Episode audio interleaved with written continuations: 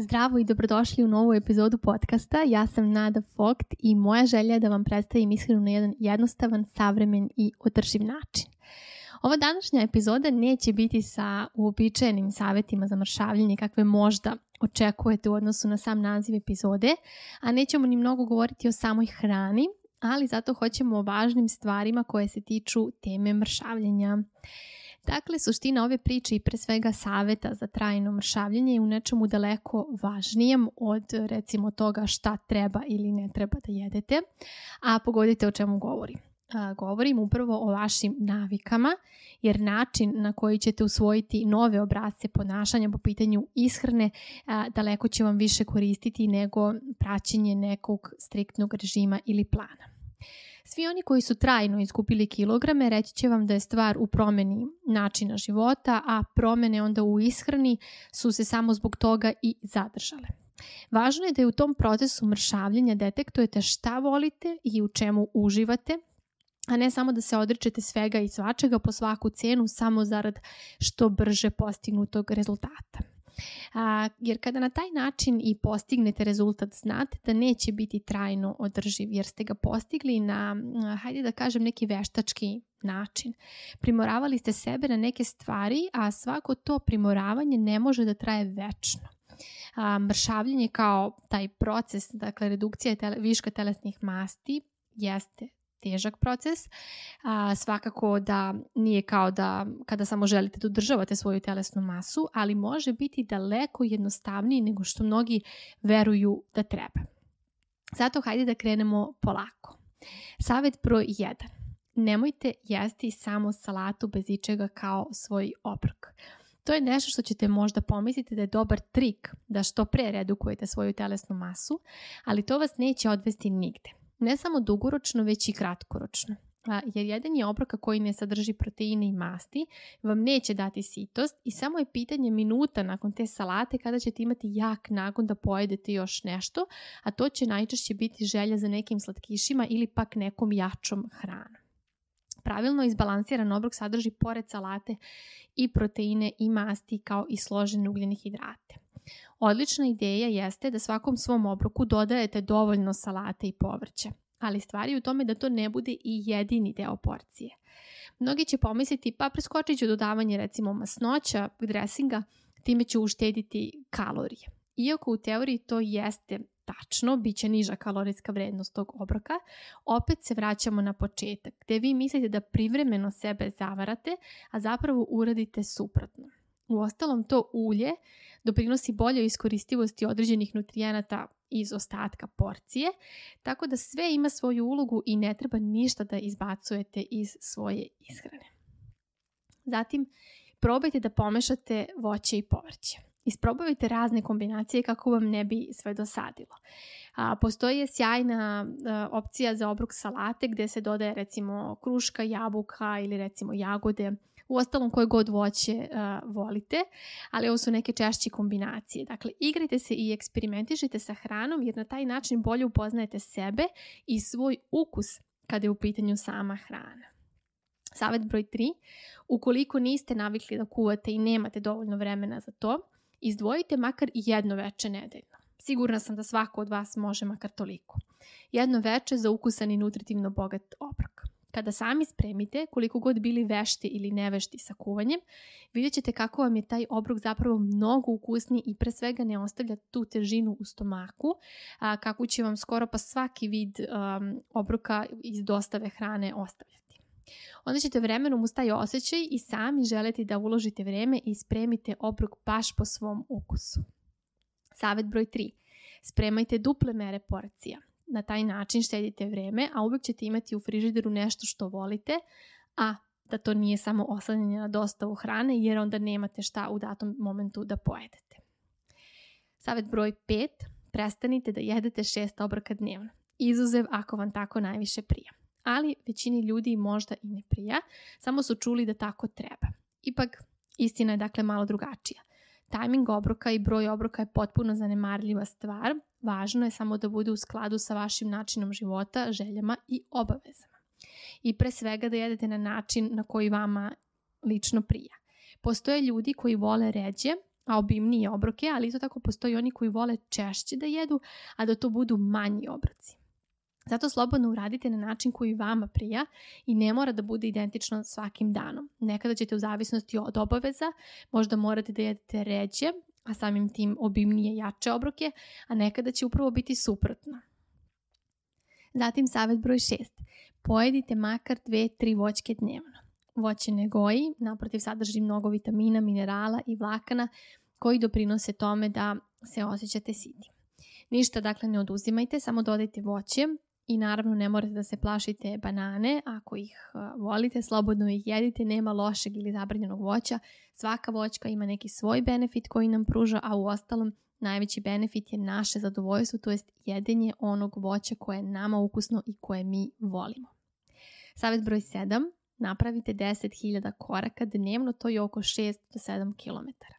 To je neka opšta preporuka fizičke dnevne aktivnosti i misli se na hodanje normalnog intenziteta. Dakle, ne morate nigde juriti, posebno ako do sada niste imali naviku da šetate uopšte. Idite svojim tempom, nije greška da krenete ni sa samo kilometar, dva, postepeno ćete već povećavati. Savet broj 8. Ne morate da se učlanjujete u fitness centar ili na bilo koji program ako vam je mučno i ne volite. Jer tada je pitanje momenta kada ćete odustati. Ali ne samo od fitness ili programa, već i bilo koje druge fizičke aktivnosti, jer ćete misliti da samo trening recimo u teretani ima efekta, što je potpuno netačno. Da biste vidjeli zdravstvene benefite, bit će vam dovoljno i samo da prelazite za početak ovih 10.000 koraka dnevno ukoliko vam tako prija. A onda je zatim idealno da pronađete sport u kome ćete uživati i na koji nećete gledati kao na mučenje. Ovih 10.000 koraka je kao neka obavezna dnevna rutina, neki minimum, a uz to i dodatak nekog vežbanja koje vama lično prija i vidite vrednost u istom. Savjet broj 9 pratite na društvenim mrežama ljude iz sveta vežbanja i ishrana koji vas postiču na zdrave navike i bolji osjećaj, a ne one koji čini da se osjećate još gore jer recimo ne radite 500 trbošnjaka dnevno i ne pijete zeleni smuti čim otvorite oči. Jer poenta zdravog načina života nije u tome. Savet broj 10. Prestanite da se merite ukoliko vas vaga frustrira, što je zapravo slučaj sa mnogima.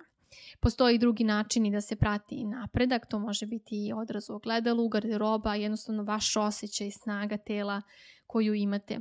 Jer ne znači da ste se recimo ugojili 2 kg od juče, ako danas vidite 2 kg više na vagi, a to svakako znate i sami da ne promeni loš osjećaj koji imate kada vidite tu brojku. Zato samo prestanite jer vaga koja zapravo i ne meri kompoziciju telesne mase vam zapravo ništa i ne govori. Savet broj 11. Prihvatite svoje telo da biste ga menjali onako kako želite. A sve dok budete mrzeli svoje telo, manje su šanse da ćete mu pružiti ono što mu je potrebno. Prihvatanje ne mora da znači da vam je vaše telo u estetskom smislu zadovoljavajuće. Možete biti svesni da recimo želite da ga smanjite, da ga oblikujete na drugačiji način. To je sasvim ok, jer um, isto tako je ok da u isto vrijeme cenite sebe i svoje telo i šta ono za vas može da uradi, a da ujedno imate želju da ga promenite onako kako vi želite da ono izgleda. Savjet broj 12. Isključite televizor ili kompjuter dok jedete, sklonite telefone. Sklonite sve što vam odlači pažnju i fokusirajte se na hranu koju jedete, na osjećaj gladi i sitosti. U suprotno možete nesvesno pojesti mnogo više nego što vam je zaista potrebno, a pre svega nećete uživati u obroku što može da rezultira da nakon obroka imate potrebu da jedete još usputno sve i svašta šta vam se nađe pred očima. Savet broj 13. Jedite ugljene hidrate. Dakle, možete da jedete i beli hleb jer on ne goji. Baš kao što ni jedna druga namirnica ne goji. A ako bih morala da preporučim nešto po tom pitanju, rekla bih da se fokusirate dakle, na namirnice od cijelog srna ukoliko su vam naravno ukusne i prihvatljive, ali isto tako jedenje namirnica poput belog hleba, obične testenine kao i peciva neće narušiti vaše zdravlje dokle god je naravno ostatak vaše ishrane u skladu sa principima pravilne ishrane. Savjet broj 14. S vremena na vreme kupite neku novu namirnicu koju do sada niste probali a možda vam jednostavno dosadi da jedete sve isto. Recimo, neko povrće ili neka voćka ili pak probajte da spremite neku namirnicu koju inače konzumirate na neki novi drugi način, u drugoj kombinaciji sastojaka. Recimo, ja sam imala klijentkinju koja ne voli šargarepu. I uz razgovor smo došli do toga da ona ne voli teksturu šargarepe, ne toliko sam ukus. Zapravo, kako god da je ona spremi, njoj ne prija šargarepa u porciji u obroku. A kaže da bi zapravo volela da može da je jede. I onda smo napravili neki predlog obroka za neki kineski miks gdje bi ona umjesto da je secka recimo na kolu to ili kockice, ona šargarepu samo izrenda i onda se ona nekako ni ne osjeti tom teksturom, a doprinese a, tim sladunjavim ukusom i to je zapravo onda bio pun pogodak. Onda recimo drugi primjer, u gušći jogurt, tip poput grčkog ili recimo skir, kvark, šta god, dodamo džem i dobijete voćni jogurt. Tako dozirate odnos voća i jogurta. Možda je nekome recimo nezamisliva kombinacija džema i jogurta, ali to vam je zapravo voćni jogurt. Onda jedna klijentkinja voli mnogo da jede punjene paprike sa mesom, ali joj je nezamisliva pomisao da to sama sprema jer u glavi ima samo onaj tradicionalni recept gdje se to jelo sprema satima i satima. Onda sam joj rekla da to može da spremi i u rerni, umjesto recimo zaprške da koristi pelat i začine i povrće, koje na kraju bude daleko ukusnije i nutritivno optimalnije. I sada ona sprema punjene paprike mnogo češće jer joj ne treba pola dana za tako nešto. Taj tip recepta je recimo idealan da se napravi u većoj količini i onda imate za više dana, jer uvek te recepte za obroke kojima ipak treba malo više vremena od neke najobičnije paste, ideja je da napravite u minimum duplo i troduple meri i na taj način imate efikasno raspoređeno vrijeme. I tako, bilo je naravno tu raznih ideja, ove su neke koje su mi prve pale na pamet. Savet broj 15. Jedite sve i brzu hranu i slatkiše, dakle sve. Neka te namirnice obavezno budu deo vaše ishrane, čak i kada ste na redukciji viška telesnih masti i nikako ne sme da bude nešto što je zabranjeno, za čim ćete žudeti i na kraju onda naravno posustati. Nijedna hrana sama po sebi nije nezdrava, sve zavisi od konteksta. Ukoliko pojedete porciju omiljene čokolade, a cijelog dana ste jeli kako treba, ta čokolada je sasvim u redu. Ali ako recimo svako veče pojedete 300 grama slatkiša, to je onda znak da treba da radite na svom odnosu prema hrani. Savjet broj 16. Recite drugima kako se osjećate kada komentarišu vašu kilažu ili vaš fizički izgled.